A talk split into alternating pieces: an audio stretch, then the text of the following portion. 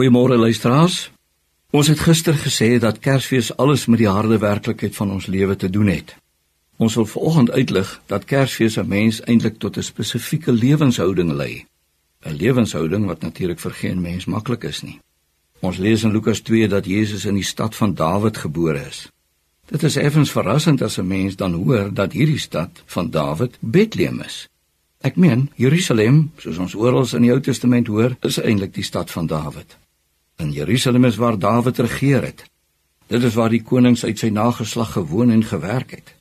Maar dit is nie die Dawidstad waar Jesus gebore word nie. Die Dawidstad wat hier ter sprake is, is die stad waar Dawid se pa Isaai gewoon het, waar Dawid groot geword het. Deur die dekreet van die magtige Augustus moes Josef nie na die groot stad van Dawid, na Jerusalem gaan nie, maar na 'n nietige plekkie Bethlehem teenoor Augustus en die mag van Rome staan hier nie die eens magtige Jerusalem nie, maar teenoor Rome staan die veragte klein plekkie Bethlehem. Iets van die pad wat hierdie kind wat in Bethlehem gebore is moes loop word hier uitgespel. Hy word nie gebore in die ander stad van Dawid nie. Hy woon nie in die paleis waar Herodes gewoon het nie. Hy word in die geringe stadjie Bethlehem gebore en hoor mooi in die stal Die hoe beklemtoon Paulus dan nie ook hierdie wonderlike waarheid in Filippense 2 vers 7 nie.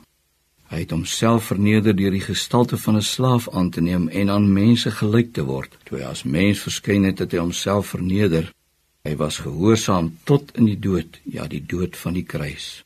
En laat ons dan, soos ons in Filippense 2 lees, ook die lyn deurtrek na ons vir wie Jesus die slaaf geword het, vir wie hy homself aan die kruis verneder het. Hoor wat skryf Paulus in Filippense 2 vers 7. Dieselfde gesindheid moet in julle wees wat daar ook in Christus Jesus was.